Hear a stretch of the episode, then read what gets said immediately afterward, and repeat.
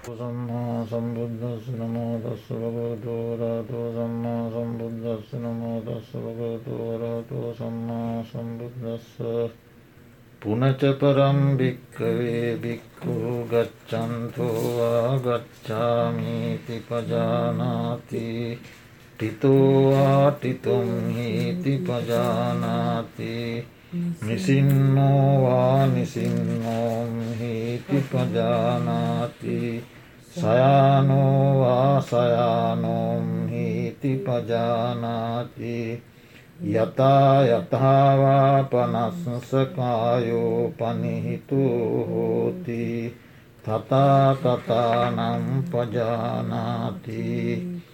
ඉති අජ්ජත්තං වාකායේ කායානු පස්සී විහරති බහිද්දාවාකායේ කායානු පස්සී විහරති අජ්ජත්ත බහිද්දාවාකායේ කායානු පස්සී විහරති සමුදය දම්මානු පස්සීවාකායස්මින් විහරති. වයදම්මානු පස්සීවාකායස්මින් විහරති. සමුදය වයදම්මානු පස්සීවාකායස්මින් විහරති. අත්තිකායෝතිවා පනස්සස සති පච්චු පට්ටිතාහෝති යාවදේවඥානමත්තාය පතිසසතිමත්තාය අනිස්සසිතෝච විහරති නචකින්චි ලෝකේ උපාදියති. ඒවම්පිකෝ භික්කවේ භික්කෝ කායේ කායානු පස්සී විහරති ඒ අපි දේශනා කළේ ලොවතුරා බුදුරජාණන් වහන්සේ සතිපට්ඨාන සූත්‍රයේදී දේශනා කොට වදාළ දෙවන කායානු පස්සනා සතිපට්ඨානය. එවත් ඉරියාපත පබ්බ කියන කොටස. එයින් කියන්නේ මහනෙන නැවත තවත් කායානුපස්සනා භාවනාවක් දේශනා කරන්නෙමි. ආනාපාන සතියෙන් පසුව දෙවන කොටස. මහනිනි මේ ශාසනයෙහි සසරබය දන්නා වූ භික්‍ෂුව යන්නේ හෝ යෙමි යන්නෙමි යන්නේ හෝ යන්නෙමි දැනගනි. සිටින්නේ හෝ සිටියමි දැනගනි. හිඳින්නේ හෝ හිඳින්නෙමි දැනගනි. ශයනය කරන්නේ හෝ සයනය කරන්නෙමි දැනගනි. යම් යම් ආකාරයකින් මේ රූපකය පවත්නේ වේද ඒ ඒ ආකාරයෙන් ඒ ඒ පවත්නා ආකාරයෙන් දැනගැනි. ඒ පළවෙනි කොටස. ඉරියාපත පබ්බයේ පළවෙනි කොටස. එතකොට මෙතෙන්දී බුදුරජාණන් වහන්සේ මේ මිනිසා. ඒවත් මේ භාවනාවට බැසගත්ත යෝගාවචරයා. මේ ශාසනයෙහි භික්‍ෂුතිම සසුන් වඩ මග වඩන සැදැහැවත් දායක කාරකාදී ඇත්තං. ගේ ප්‍රයෝජනය පිණිස පුද්ගලයා පවත්වන ඉරියව් හතරට අදාළව ඉරියව් හතරට බෙදලා ඒ ඉරියව් හතරේ විදර්ශනාව වැඩෙන ආකාරයෙන් මේ භාවනා කමටහන දේශනා කළා. දැන් සාමාන්‍යයෙන් සිවල්ලාදී සත්වයන් පවා යනවා කියලා යනකොට දන්නවා. දැනගෙන යන්නේ. ගොදුරක් දැහැගණ්ඩ යනකට ගොදුරක් දැහැගණ්ඩ යන දැනගෙන යන්නේ. එහෙම යෑමක් නෙවේ මෙතන කියන්නේ. මෙතන කියන්නේ ආත්ම සංඥාව ගලවලා උපුටලා දාන්ට සමත් වූ ආකාරයට. අපි ආත්ම සංඥාවෙන් හැම දෙයක්ම කරන්නේ මම. මම. මම යනවා මම කනවා මම බොනවා මම ඉන්නවා මම නිදනවා මම වාඩි වෙලා ඉන්නවා. මම ඇවිදිනවා. මම හිටගෙන ඉන්නවා. මමත් එක්කන අපි ආත්ම සංඥාවත් එක්කන බොහෝ කටයුතු කෙරෙන්නේ. ඒ ආත්ම සංඥාව උපුටාහල හැකි ආකාරයෙන් සිහියත් නුවනක් වැඩෙන විදිහට මේ ඉරියව් පැවැත්වීමක් මෙතන කියන්න. ක්‍රමක්‍රමයෙන් ක්‍රමක්‍රමයෙන් ක්‍රමක්‍රමයෙන් ඒ භාවනාව වඩන්නාගේ සිත තුළ මුල් බැසගෙන තිබෙන ආත්ම සංඥාව ගැලවිලා යන. උදුරාදමන්ට පුළුවන්කම ලැබෙනවා මේක නිවැරදිව කළු. ඒ සාමාන්‍යයෙන් මේකට තියෙනවා උදාහරණයක් උපමාවක් අට්ට කතාවල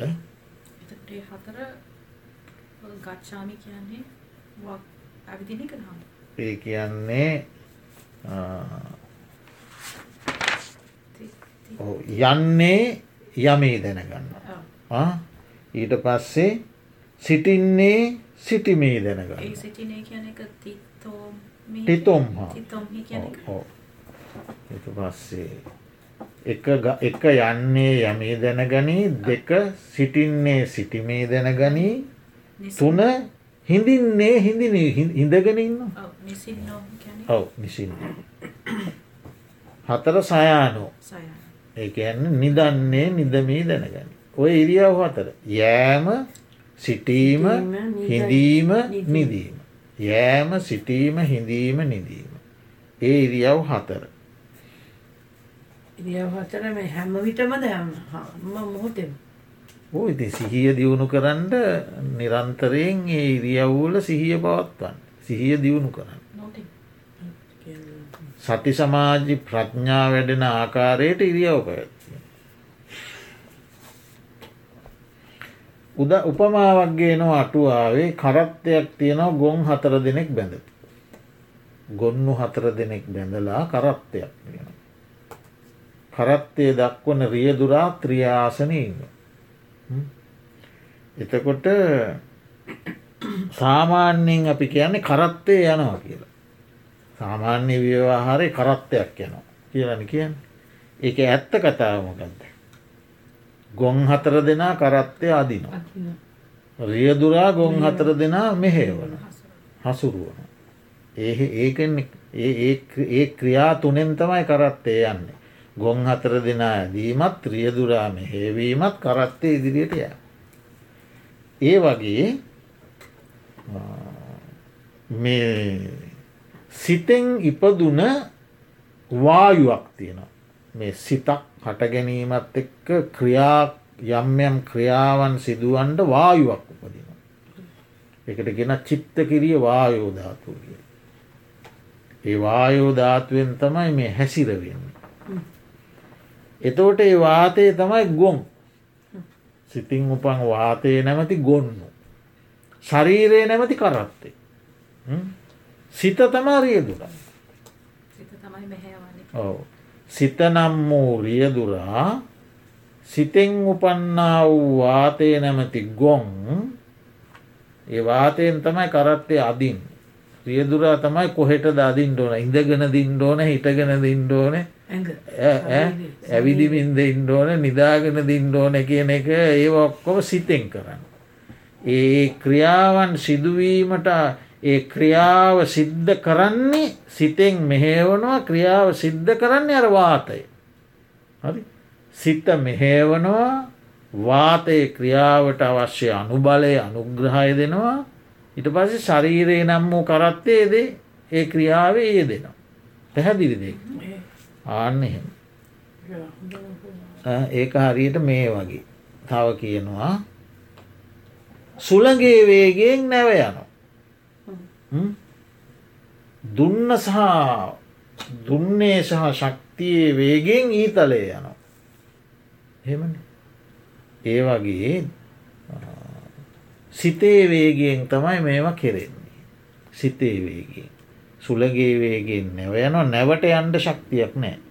ඊතලයට මෙහෙම යන්ඩ ශක්තියක් නෑ දුන්න සහ මේ අතින් දක්වන ශක්තිය වේගෙන් තමයි ඉතලේ යන්න. ඒවගේ සිතේ වේගෙන් තමයි මේ ක්‍රියා කරන්නේ. සුළගේ නැව දුනුදිය වේගෙන් ඊතල. එතකොට තව උපමාවක් ගේනවා අපි රූකඩ නටනකොට නූල රූකඩ නැතිීමේදී නූල තමයි නූලෙන් තමයි රූකඩයෙන් නැටෙන්. ඒ වගේ මේ සිත නම් වූ නූලෙන් සිරුල නම් වූ රූකඩේ නටන. සිත තමයි නූල. ඒව තමයි අටුවාවගෙන උපම. ඒ උපමාටික මතකතියගන්න. කරත්තේ ගොන් හතර දෙෙන ප්‍රියද. සුළඟ නැව දුන්න සහ ඊය රූකඩේ සහ නූල අන්න ඒව තමයි මේ ඒ අනුසාරයෙන් තමයි මේ භාවනාව වටහා ගණ්ඩෝන එතකොට මේ භාවනා කිරීමේදී ඉතාම ප්‍රයෝජවනවත් වන උපදේශ ටිකක් තියෙන මේ සතර ඉරියව් පැවැත්මේ භාවනාවට ප්‍රයෝජනවත් උපදේශ. ඉස්සරලා අරසීලයේ සමාදැන්වීම ආදී ඒව දන්න දේවල් ඒවා. ඒවා ඒවා හැමදාම හැම භාවනාවටම කෙරෙනේවා. ඊළඟට හැම ඉරියව්වක්ම බොහෝම සංවරශීලීව පවත්වන්න පුරුදුවෙන්ටුවන්. කලබල නැතිව සිහිය යොදල වාඩිවෙන්නෙත් සිහිනුවනි. ඇවිදින්නෙත් සිහිනුවනි. හිටගෙන ඉන්නෙත් සිහිනුවනි. නිදාගන්නෙත් සිහිනුවනි. සංවරශීලීව බොහොම සංවර කලබල නැතිව. ඉරියව් පැවැත්වීම පුරුදු කරගන්නටුවන්. එහෙම නැත්තම් මේ භාවනාව වැඩෙන්නේ. ඊළඟට නිදාගැනීමේ ඉරියව් ඇර අනිත් ඉරියව් තුන තියෙනවන ඇවිදීම සිටීම වාඩිවීම. ඔය ඉරියව් තුනේදීම උඩුකයි රිජුව තබා ගන්න ඕන ඇවිදිනකොටත් මෙහෙම බෙල්ල පහතට කරගෙන ඇවිදින්න බෑ. රිජුවගේ හොම උඩ බලන නෙමේ සාමාන්‍යයේ රිජුව තබාගෙන ඈත බලන්නෙත් නැතුව වඩා බෙල්ල නමාගෙන ළඟ බලන්නෙත් නැතිව සාමාන්‍ය ප්‍රමාණයකට තමන්ගේ පියවර ප්‍රමාණයට බලමින් උඩුකයි රිජුව තබා ගන්නට ඕන. ඇවිදිනකොටත් එහෙමයි වාඩිවී සිටීමේදීත් එහෙමයි හිඳගෙන සිටීමේදීත් එහෙමයි. රිජ්ජුව තපාගෙන. ඇවිදීමේදී හෙවත් සක්මනේදී අත් දෙක ඉදිරියට තබා ගැනීම පසුපත්සට තබා ගැනීම මෙහෙම තබා ගැනීම නොකළ යුතුයි. අත් දෙක පහත අත් දෙක පහත හෙලාගත උඩුකය රිජ්ජුව තබාගෙන තමාගේ පියවර පියවර දෙසට පියවර පේන ප්‍රමාණයට හිස තබාගෙන සංවර සීලීව ඇවිදීම පුරුදු කරගත. සාමාන්‍ය මේ මට. හරි? අත් දෙක පහත හෙලා තබා අත්තක මෙහෙමත්ද. එහෙම බෑක හරි ඒක ඒක නෙමේ හරි ක්‍රමේ අත් දෙක පහත හෙලා ඇවිදිනකොට නේද අප ඇවිදිනකොට. එතකොට ඊළඟට සිටගෙන සිටීමේදීද ඒ විදිහෙමයි. උඩුකයිරජුයි අත් දෙක පහතේලා තබාගත යුතුයි. වාඩි වී සිටීමේදී වම් මත මත දකුණු අත තබා එක දන්නවනි කවුරු. වම් මත මත දකුණු අත තබා මාපට ඇගිලි දෙක සමීපය තබා ගැනීම. එකෙන් එතෙන්දිත් උඩුකායි රජුව තබා ගැනීම එක පොදුයි. ඒතන වාඩි වෙලා කියන්න හමුන්නේ භාවනාවට වාඩි වෙන්න එක. භාවනා වාඩිවී සිටීමේ ඉරියව්. ඉරියාපත. ඉරියාපත භාවනාවේදී වාඩිවී සිටීමේ ඉරියාව හුරු කරන්න එහෙමයි. පුටුවක වාඩි වුණත් තමාට පහසු නම් පරයන්ගේ වාඩි වෙන්න. පුටුවක වාඩි වුණත් මෙහෙම වාඩි වුණා. උඩුකය රිජුව තබාගත්ත වම් මත මත දකුණු අත තබාගෙන මාපට ඇගිලි සමීවට තබාග උඩුකය රිජ්ජුව තබාගත යුතුයි. සයනය කිරීමේදී දකුණු අලයට හැරි. දකුණු අතමත හිස තබා. දකුණු ඇලේට හැරි දකුණු අතමත හිස තබා. වම් මත මේ වම් පාදය මත තබා.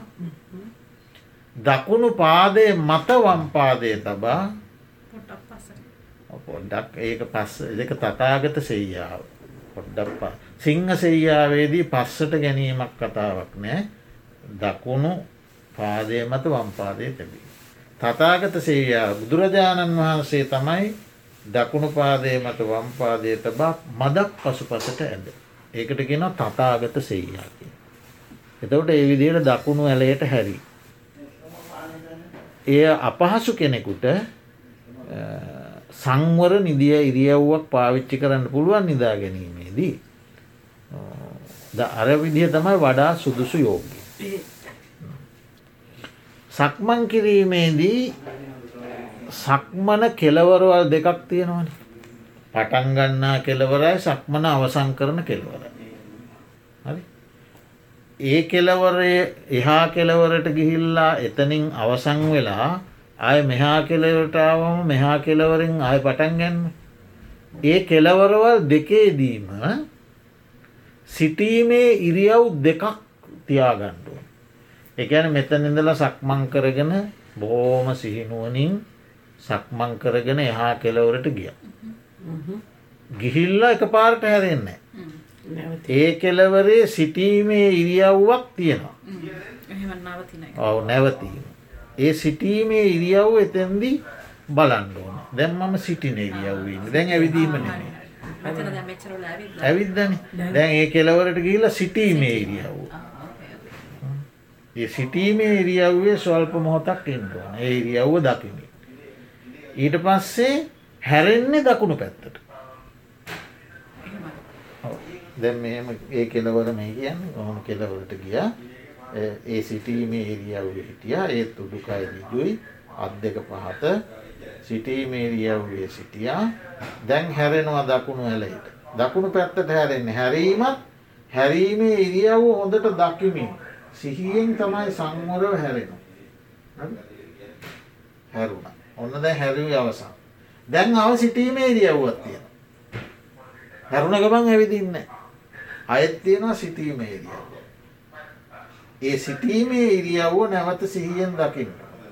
දැන් එතකොට ඒ කෙලවරේ සිටීමේ ඉරියව් දෙකක් තියෙන හැරීමේ ඉරියව්වත් ආපව් සක්මන ආපව මේ කෙලවරට ආවා. සිටීමේ ඉරියව්වත් තියෙනවා. හැරීම. හැරීමක් තියෙනවා.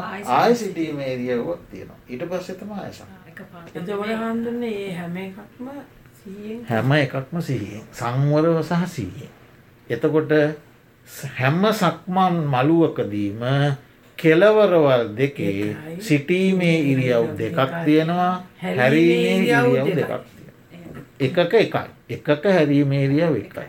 සිටීමේ ඉරියව් දෙකයි. මේ පැත්ත සිටීමේ ඉරියව් දෙකයි හැරීමේ ඉරියව්ව. ඒ ටික සිහියෙන් කරන්න ඕන. ඒ ඉරියව්ව දකිමින් සති සමාධි වැඩෙන විදිහට කරන්න. එතකොට තමන් ඉරියව් වෙනස් කරන හෑම අවස්ථාවකම ඉරියව් වෙනස් කරන අවස්ථා තියෙනවා. හිටගෙන සිටීමේ ඉරියව්වෙන් තමන්ට නැගිටින්ට සිටුවා. දැන් සිටගෙන දැ වාඩිවී සිටීමේ ඉරියව්ව තමන් ඉන්නේ දැන් තමන්ට සිට ගන්න හිතෙනවා. හිතුර ගමන් සිට ගන්න. එයත් බොහොම සතියෙන් යුක්තවමයි ඒ ක්‍රියාව කරන්න. සතියෙන් කරන්න. ඉට පස්සේ තමන් ද සිටීම ඉරියාව ඉඳල ඇවිදින්ට හේතුනා. සක්මනට දැන් මට සිටීම ඒරියාව ඇතිමන්ද සක්මන් කරන්න. ඒ සක්මන පටන් ගන්න සතියන්න. එතකොට හෑම ක්‍රියාවකම සතිය පුරුදු කිරීම තමයි මේක තියෙන. සතිය පුරුදු කරන. එතකොට ඇසුපිය හෙලීමක් පවා සිහිනුවනින්ම කරන්න පුරුදු විය යුතුයි කියලා කියන්න. ඒ කොහොමද? මේ හැම ඇසිපිය හැදන එකම? ඔහු දැ වාඩිවන්න ඉරියාවේදී. එහෙම දිගට ඒක හොඳට පුරුදු කලාම ඒව පවා පුළුවන්. පුරුදු කරන්න ඕන. පුරුදු කලාම ඇසුපියක් ගැහුවත් ඒකත් සිහියට අහුවෙනවා. එක ඉතින් තවිස්සරට පුරුදු කරගෙන යනකොට සිද්ධ වෙන මේක කරලා දැන් එහෙම ඉන්නක ඔළුගොල්ල උස්සනකොටත් දන්න ඕද ඕ. හිස පහත් වනා නම් පහත් වනා කියන එක තමන් දැනුන ගමන් හිමහිට හිස රිජු කරන්න ඕන කියලා සිහියෙන් රිජු කරන්න ඕන. සිහියමයි. ඉරියව්වේ සිහිය දියුණු කිරීම. මොකක්ද වශය ඉන්ටේෂන් එකට කියන්නේ වසන අධිෂ්ඨානය ඉතින් කියන්නේ දෙයක් කරන්න ඉස්සල්ලා එන අර අරමුණනේ දාන්න ආ, අපේ නාලක හාමුදුරු හැමතිස්සම කියනවා ඉරියල්ම මාරු කරන්න කලින් ඒ අරමුණ ගැන හිතලා මාරු. අරමුණ එන මොහොත. ඒක ඉන්ටේෂන් ඒක ඒක. අරමුණේ නමොහොත කිවේ. ඒ කියන්නේ දැන් එනවනේ හාමුදුරනේ මෙන්න ආ, දැන් මම කර- ආවා මං නතර දැන් නවතුණා දැන් මං හැරෙනවනේ. ඒ හැරෙනකොට ඒ ඒ අරමුණ. හැරෙන්න ඔළුවට ඕ හැරීමේ අරමුණ. ඔව්. ඔව්. එවනේ අරමුණ. ඒ අරමුණ ඉන්ටේෂන් එක. ඔව්. දැන් ඒ කියන්නේ දැන් සක්මන කෙලවරය සිටගෙන සිටීමේ ඉරියව්ව ඉට පස දැන් සිටගෙන සිටීමෙන් හැරෙනකොට හැරීමේ ඉරියව් හරි? ආ, ඒ දෙක ඔව්. ඊට පස්සේ ආපව සිටගෙන සිටීමේ ඒ හැම ඉරියව්වක්ම දකිමින් හැම ඉරියව්වක්ම දකිමින් තමයි කරන්න. එතකොට තමන් යම් ආනාපාන සතිය වඩලා සමාධියක් උපදවාගෙන තියෙනවා නම් ඒ සමාධි සිතෙන්ම මේක පටන්ගට පුළුව. ඒ සමාධි සිතෙන්ම දැන් තමන් මම දැන් සක්මන් කරන්න ඕන. ඒ සමාධි සිතෙන්ම සක්මන් කරන්නට නම් දැම්ම නැගිටින්ටුවන් හ්ම්. නැගිටීමේ ඉරියව්. සිහියෙන් නැගිටිනවා. නැගිටලා සිටගන්න ඕන්න හ්ම්. සිටගැනීමේ ඉරියව්වේ සිහියෙන් ටික වෙලාවක් ඉන්න. හරි වාඩිවී සිටීමෙන් නැගිටලා. ට පස්සේ මම දැන් සක්මන් කරන සක්මන් කිරීමේ ඉරියව්ව සිහියෙන් කරනවා. ඒ විදියට කෙලවරට ගිහිල්ල අර සිටීමයි හැරීමයි සිටීම. ඒ ඔක්කොම හෙම සිහියෙන් කරනවා. ඉතිං මේ විදිහට සිහිය පුරුදු කරගෙන ගිහිල්ලා ඊළඟට විමසන්ට තියෙනවා ප්‍රශ්න තුනක්. යම් මට්ටමකට සිහිය දියුණු නාම ප්‍රශ්න තුනක් වි- විමසන්ට තියෙන. සිටගෙන සිටින්නේ කවරෙක්ද. හ්ම්? සිටගෙන සිටීම කවර කෙනෙකුට අයත්ද. සිටගෙන සිටීම කෙසේ සිදුවන්නේ. ප්‍රශ්න තුනයි. ඉරියව් හතරටම ප්‍රශ්න තුන සාධාරණයි. පොදුයි. කවරෙක්ද කවර කෙනෙකුට අයත්ද කෙසේ සිදුවන්නේ. එතකොට පළවෙනි ප්‍රශ්නය සහ දෙවැනි ප්‍රශ්නය. දෙකටම උත්තරේ සිතගෙන සිටීමේ ඉරියව්වේ ආත්මකාරයෙක් නැත. කවර කෙනෙකුට අයත්ද. කවරෙක් සිටගෙන? සිටීමේ ඉරියව්ව සිටගෙන සිටීමේ ඉරියව්ව කවරෙක්ගේද. කවරෙක්ද? සිටගෙන සිටින්නේ කවරෙක්ද? කවුද? සිට. ඕ ඊළඟට කවර කෙනෙකුට අයත්ද දෙක. තුන කෙසේ සිදුවන්නේද? සිටගෙන සිටින්නේ කවරෙක්ද සිටගෙන සිටීමේ ඉරියව්ව කවර කෙනෙකුට අයත්ද? ඉතින් සිටගෙන ඉන්න එක්කෙනාට නෙමෙයිද? පළවෙනි ප්‍රශ්නේ උත්තරේට නෙමෙයිද? දෙවෙනි ප්‍රශ්නේ? නෑ. ඒ කවරෙක්ද කවර කෙනෙකුට අයත්ද? කවරෙක්ද කවර කෙනෙකුට අයද්ද කෙසේ නම් සිදුවන්නේ. කෙසේ නම් සිදුවන්නේ. හම්දුරන එතකොට මේ සිටගෙන සිටින ආත්මයක් නැත. ඒ ආත්ම සංඥාවක් නෑ ආත්මයක් මමය මාගේ මෙතනින් කියන්නේ මේ තමන්ගේ මනස කරනවා කියන එකද ඈ? හාමුදුරුවනේ? මෙතන කියන්නේ හේතු ප්‍රත්‍යයන්ගේ සිදුවීම ගැන මම කියල දෙයක් ඔව්, එන මම ඉතින් දැන් මගේ කයත් තියෙනවා මගේ කයන්නේ යන්නේ. දැන් මේ ඔව්, නාම ඒ- මම කියලා දැන් අපි සත්වයෙක් හිටියට ඒ සත්වයා අයිති ආත්මයක් නෑන ආත්මකාරයෙක් මේ අනාත්මය අනාත්මය අනාත්මය. මෙතන සිටගෙන සිටීම හෝ ඇවිදීම හෝ වාඩිවී සිටීම හෝ නිදාගැනීම හෝ හේතු ප්‍රත්‍යයන්ගේ එකතුවකින් සිද්ධ වෙනවා මිස ඒක නෑ. ඔව් ආත්ම කියන සංඥාවක් එතන ගණ්ඩ නෑ.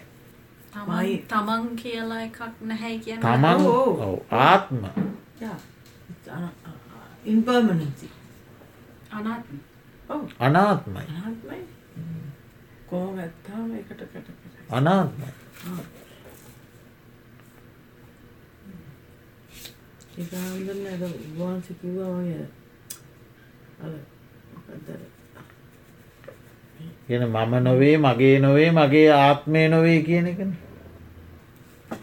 එතන තියෙන හේතු ප්‍රත්තිය සමවායක් තියෙන හේතු ප්‍රත්තියන්ගේ එකතුව ඒකන හරි වටින ඊලාට කෙසේ සිදුවන්නේ? ආත්මයක් නැත්තම් සිද්ධ වන්නේ කොහොමද එතැන්දි තමයි ප්‍රශ්නය තියෙන ඒ සිද්ධ වන්නේ කොහොමද? සිද්ධ වන්නේ මෙහෙමයි. සිතක් හටගන්න වාඩිවී සිටීමට සිතක් හටගන්න ඔව. සිත සිත. හරි? ඊට පස්සේ ඒ සිතෙන් චිත්ත කිරිය වායෝධාතු උපදවන හරි චිත්ත කිරිය? වායෝධාතු වායුවක් උපදවන. ඒ වායුව විසින් කාය විඤ්ඥත්තිය කියන චලනය උපදවනවා. හරි? සිත වායෝධාතුව කාය විඤ්ඥත්තිය හෙවත් චලනය. ඊළඟට ශරීරේ ආය වගේ ඒ තම වගේ තමයි. ආය වගේ තම ඔය හතර තමයි වැඩකට වැඩේ කරන්න ඔය හතර. සිත වායෝධාතුව චලනය සහ ශරීරේ එතන අපේ හැම ඉරියව්වක්ම ඒකට තමයි අයිතිනේ තම ඕ වායෝධාතුව ඔව ඇවිදීමේදීත් එහෙම සිත වායෝධාතුව හම්දන මොකක්ද සිත වායෝධාතුව චලනය ශරීරය.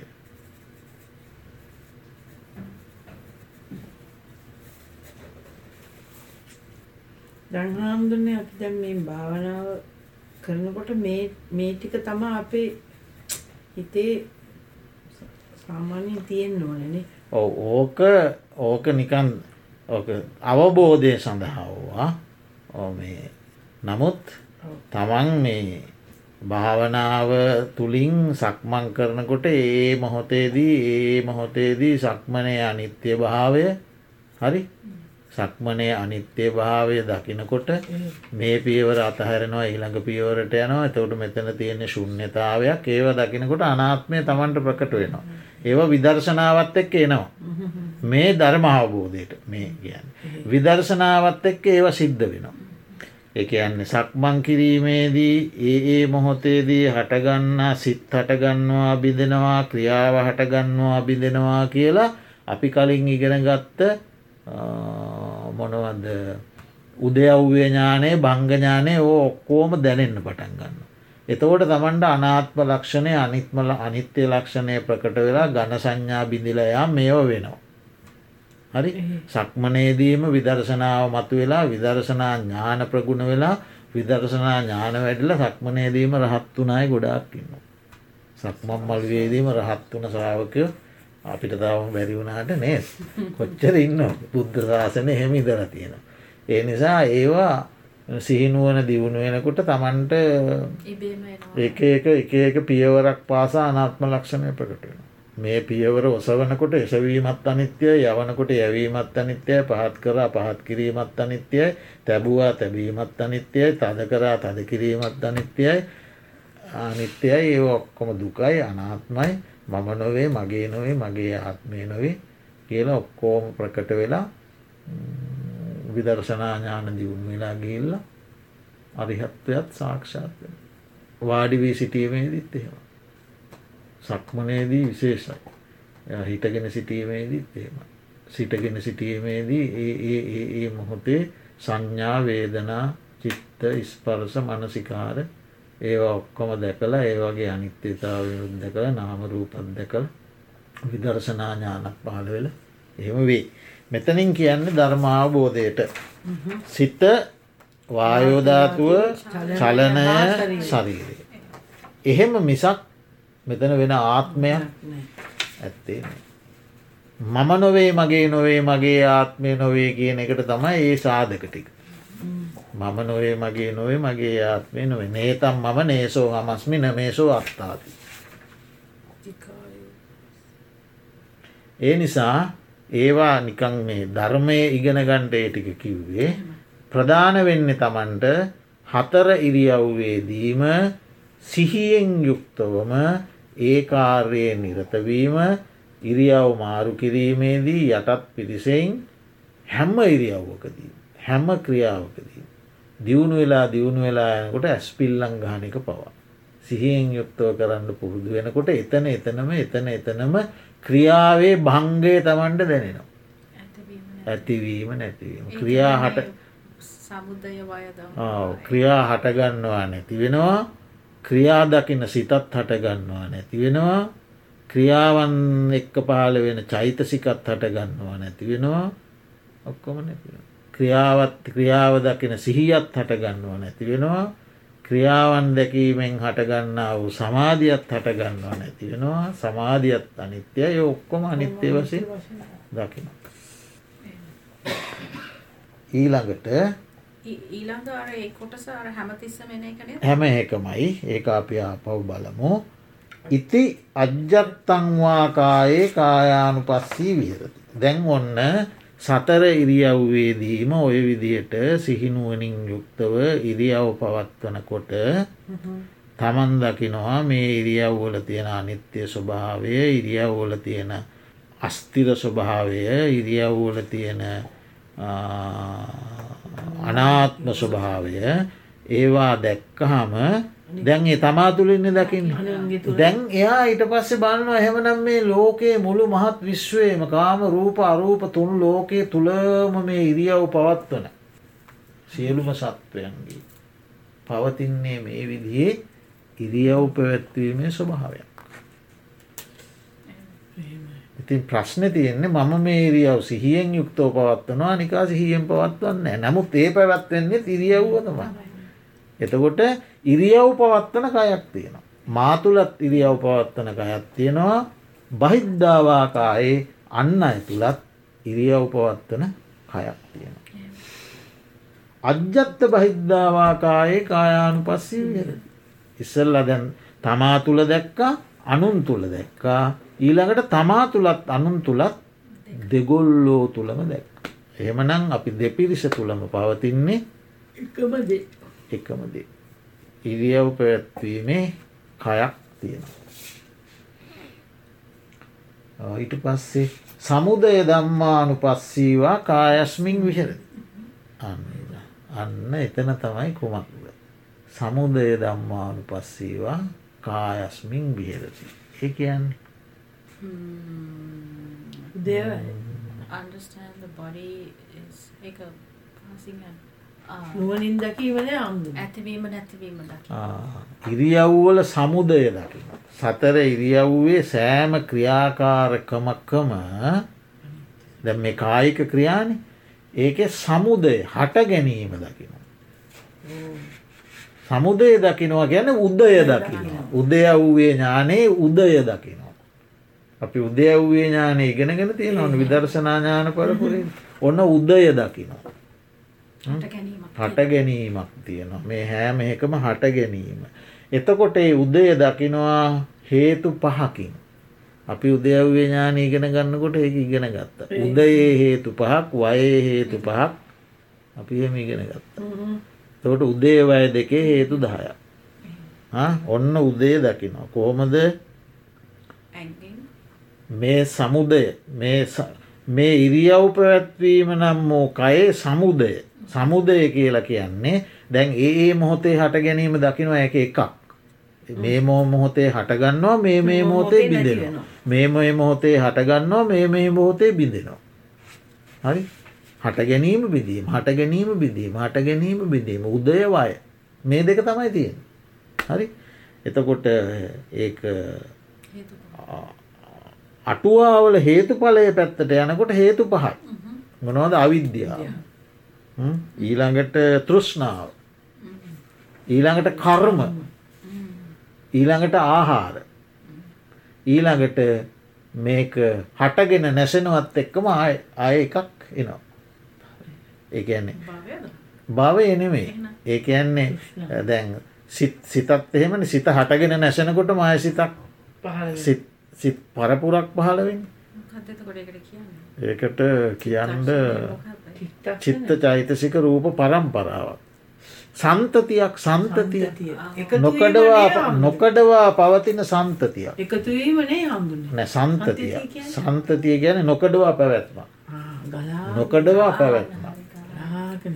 නොකඩවා පැවැත් ඒක අපිට පෙනෙන්නේ අපිට ගණ සංඥාවලින් වැහිල නැතිය එතකොට නොකඩවා පැවැත්මක් තියෙන අවිද්‍යාවක් තියෙනවා අවිද්‍යා තෘෂ්ණා කර්ම ආහාර සහ අය කොහෙවත් තිබිල ඇවිල්ල පහළ වුණා නෙමේ හේතු පලවාදීව ඒ සන්තතිය හට ගැනීමක් වුණ. ඒවා ඉතින් ඔය ඒවා ධර්මය දැනීම සඳහා. වැඩේ ක්‍රියාව කරගෙන යනකොට උපද නැට හට ගැනීම පෙනේ. හටගත්ත නැසුන හටගත්ත නැසුන අතරක් නෑර හටගෙන නැසෙනවා හටගෙන නැසනවා. දිය බුබුලු වැහි වෙලා හටගන්න නැසින් වරසා වෙලා ජලාසයක දිය බුබුලු හටගෙන නැසින් තල බදිනකොට මේ පටපට පට පට පටගාල තල පුපුරන් ඊළඟට කන්දකින් පටන්ගත්ත වතුර බින්දු චූටි දියඇල්ලක් කන්දකින් පටන්ගෙන නොනවත්වාම මහාසාගරය කරා ගලාගෙන යන්නේ ඒ උපමා මගින් තමන්ට දැනෙනවා මේක මේ ගඟක් වගේ කියලා. මහා සැඩ පහරිකුට ගඟ. මේක හරියට වෙරලේ ඇවිල්ල හැපිලා බිඳෙන මොනවද වෙරල ඇවිල්ල හැපෙන්න්න ගිදෙන රල දිය දිය වැලක් මොකක් දේකට කියන නම? දියවැල. රැල්ල. රැල්ල. ඇවිල්ල වෙරල හැපිල බිඳෙන් අයරැල්ලක් එෙන අයරැල්ලක් ඒවගේ මේක නොසිදී පැවැත්ම මේක මෙතන තියෙන්නේ මොකූත්න මේ හට ගැනීමකුයි නැසීමකුයි.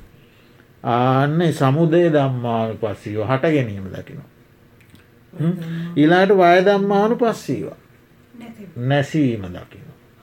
ඒ කියන්නේ වය එතවට සමුදය වය කියන්න උදේවය දෙක ඔන්න දැ උදයව්වේ ඥානයට ඇවිල්ල. ඉරියව් හතරේ භාවනාවෙන් උදයව්වේ ඥානයට ආව. ඊළඟට සමුදේවය දෙකම දකින. සමුදේ වය දම්මානු පන. ඉස්සල්ලා සමුදේ දැක්ක ඊළඟට වය දැක්ක එළඟට සමුදේවය දෙකම දකි. එතකොට හේතු වසයෙන් ගත්තොත් සමුදේ පහයි වයේ පහයි. ඊළඟට සමුදේවය දෙකේ දහය. හරි අන්න එතකොට සමුදේවය දැක්ක. එතකොට සුද්ධ විදර්ශනාවක් මේක. ඉරියාපතේ සුද්ධ විදර්ශනය පැහැදිලි ඒ මොහොතේ වෙනස් වෙන දෙයක්. ඊළඟට අත්තිකායෝතිවා පනස්ස සතිපච්චු පට්ටිතා හෝති. ඔන්න දැන් එසේ වාසය කරමින් සමුදේවය දකින මේ කෙනත්තාට මේ භික්‍ෂුවට ඉරියව් පවත්නා වූ කයක් ඇතයි සිහිය එළඹ සිටියේ වෙයි. ආත්මයක්කින් ආත්ම ආත්මයෙන් තොර මම මගේ මාගේ ආත්මයයි ගත හැකි ස්වභාවයකින් තොර? කයක් තියෙන ඉරියව් පැත්ම එකට කියන ඉරියව්කයි කියලා. ඉරියව් පැත්වීමේ කයක් තියෙනවා කියලා ඔන්න යාට සිහිය පිහිටියද සිහිය එළඹ සිටියේ වෙයි මෙසේ එළඹ සිටි සිහිය මොකක්ද කරන්නේ? මතුමත්තෙහි නැවත නැවතත් නැවත නැවතත් නුවනු වැඩෙන පිණිස හේතුවේ. ඥානමත්තායි. සිහිය එළඹ සිටියා යාවදේව ඥානමත්තා මතුමත්තෙහි මතුමත්තෙහි නුවන නුවන නුවන විදසුන් නුවන දියුණුවීම පිණිස මේ සිහිය හේතුවෙන. පතිස්සති මත්තායි. එක යන්නේ තමා ඉදිරියේ තියෙන දෙයක් දකිනවා එල්ලම්බ සිටි සිහිය ළඟ ළඟ මේ මේ මොහොතේ සිහිය වැඩෙනවා නුවන වැඩෙනවා සිහිය වැඩෙනවා නුවන වැඩෙන සිහිය නුවන දෙක වැඩීම පිණිස පවතිනවා. අනිශ්සිතෝච විහෙරති. දැන් දැන් ඔය විදියට සිහි නුවන සති සමාධී ප්‍රඥා තුනම වැඩෙනවා දැන්. සිහියයි නුවනයි එක්ක සමාධියත් වැඩෙනවා ෂනික සමාධී. ඒ ඒ මොහොතේ සමාධිය වැඩෙනවා. එහෙම වැඩෙනකොට දැන් එයා අනිශ්සිතෝච විහෙරති. අන්න. දැන් එයා දකිනවා තෘෂ්ණා දෘෂ්ටි වසයෙන් අල්ලගන්න මෙත නැති දෙයන්න මොකක්වත් නෑ. මේ බොරුවකටන මෙච්චර කාලයක් මේ. දැන් අවුරුදු පනස් නවයක් රැවටිල්ල ඇවිල්ල තියෙන්නේ. මහාත්ම වූ බොරුවකට. මේ හැම මොහොතක වෙනස් වී යන දෙයක්නේ තියෙන්නේ කියල එය දකින. දැකලා එයා දකිනවා තව මේක අල්ලන්ට තන්නාවෙන් අල්ලන්ට දෙකුත් නෑ දෘෂ්ටි වශයෙන් අල්ලන්ට දෙකුත් නෑ අනිශ්සිත කියන්නේ එකයි. තන්හා නිශ්සිත දෘෂ්ටි නිශ්‍රිත කියලා නිශ්සිතද දෙකක් තියෙන. ඇසුරු කිරීම නිශ්්‍රය කරනවා. එයා දැන් අපි මෙතෙක් කාලයක් ඔය දෙක නිශ්්‍රය කරගෙන තමයි යාව. තන්නහාාව නිශ්්‍රය කරගත්ත නිසා තන්නාව නිසා හටගන්න නොෙක් කෙලෙස් ඇසුරු කළා. දෘෂ්ටි නිශ්‍රය කළ නිසා දෘෂ්ටි නිසා හටගන්න නොෙක් කෙලෙස් ඇසුරු කළ. තන්හා දුක්ති තන්හා දිට්ටි. ඒත් එක්ක ඊට සම්බන්ධ කෙලෙස්. ඒවනි නිශ්්‍රය කරමින් ආයි දැන් අල්ලන්ඩ දෙයන්න ඇයට. ඒ නිසා අනිශ්චිතෝට. නචකින්චි ලෝචික් ලෝකය උපාදියති. අන්න එයා දැන් ඒ දෘෂ්ටි තෘෂ්ණාවලගේ වසගයට නොවැටි මේ ලෝකයේ කිසිවක් ආත්ම ආත්මීය වසයෙන් ගන්න නැව්පාදාන කරන්න කිසිව. කාම උපාදාන දිට්ටි උපාදාන සීලබ්බත උපාදාන අත්තවාදූපදාන කියන උපාදාන හතරත් තියෙනවා. එතකොට එයින් අත් අත්තවාදූපදාන කියන ආත්ම වසයෙන් අල්ලා ගැනීම. දැන් ආත්ම වසයෙන් අල්ලගන්න දෙයන්න. මේ ලෝකයේ කිසි තැනකයා උපාදාන නොවී කායානු පස්සනාව වඩන. ඒවම්පිකෝ භික්කවේ භික්කෝ කාය කායානු පස්සී වියද. මහනෙන මහනතිම මෙසේද මේ රූපකයෙහි කානු පස්සනා භාවනාව කරමින් වාසය කරන්නේ? හරිද? එතන ලෝකය කියන්නේ නාමරූප ගැනේ ලෝකය කියන මේ පංචස්කන්ද ලෝක නච කිංචි ලෝකයේ උපාදිය එතන ලෝකය කියන්න මේ පංච උපාදානස්කන්ද ප්‍රධානයි තව ලෝකය කියන එකට නොෙක් අර්ථ තියෙනවා. ති පංචස්කන්දයෙන් මිදෙනකොට ලෝකයේ කිසිවක් කල්ලන්න පංචස්කන්ද ලෝකයේ විතරන්න නෙවේ මේ බැහැර තියෙන ලෝකෙත් කිසිවක් එයා උපාදාන කරන්න පංචස්කන්ද ලෝකය ප්‍රධානයි. හරි ඉස්කන්ද ධාතු ආයතන ලෝකය ලෝකයට තියෙන අර්ථ ඉස්කන්ද ලෝකේ ධාතු ලෝකය කියන්න අටලොස් ධාතු. ඒ හැම එකකින්ම එකම දේ එකම දේ නොෙක් ක්‍රමයට දේශනා කරන. ආයතන ලෝකවෝ දවාදස ආයතන.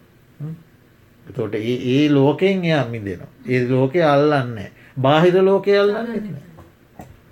එය දකින බාහිර සත්ව පුද්ගලයන් තුළ තියෙන්නෙත් මේ ඉරියව් පැවැත්ම. මා තුළ තියෙන්නෙත් ඉරියව් පැත්මක් බාහිර සත්ව පුද්ගලයන් තුළ තියෙන්නේ ඉරියව් පැත්ම. ඔය ඉරියාපතයත් ඇති. ඉරියාපතය ඉරියාපත හතරක් මේ ඉරියාපත හතරයි. ප්‍රඥාව දියුණු වෙලා තියෙනවා නම් ඉරියාපත හතරෙනුත් එකකුත් ඇති. ප්‍රඥාව දියුණු නම් ඉරියාපත හතරෙම සක්මනමත් ඇති. සක්මනේදීව රහත් වනායකොත්ති හිටිය. එක තමයි ඒ ධර්මාවබෝධය සඳහා තවම මදි අපි නැත්තෙමකද මදී තව දැම් බුදුරජාණන් වහන්සේ ජීවමාන කාල මේ හිටියීමේ කෙස් ටික කපල අතට දීල කේසා ලෝමානකා කියන්න කියලා මේ කෙස් කපනකොට මෙන්න රහත් වෙන. රහතන් වහන්සේට තම ඊළඟට සිවුරු පෙරවත්. මහනවෙන්ඩ ආපු ළමයගේ කෙස් කපනවා. කෙස්වල අසාර බව බලන්ඩ කිව. බලන්ඩ කියලා ඒක උගන්නලා අතේ කෙස් පිඩත් තියල මෙහ කපල ඉවරෙනකොට මෙයා රහත්තෙල්. රහතන් වහන්සේට සිවුරු පෙරවා. සුළු දේත් නුවන දියුණුනාට පස්සේ පොඩි දෙයෙන් අල්ලගන්න පුළුව. පොඩි දේ තුළ චතුරාර්ය සත්‍යය ඔක්කොම් ප්‍රකට වෙලා දුක්ක සමුදේ නිරෝධ මාර්ග ඔක්කොමත් ප්‍රකට වෙලා සමුදේ වය සියල් බන්ධ කළ නිවනුත් අවබෝධ කරගෙන.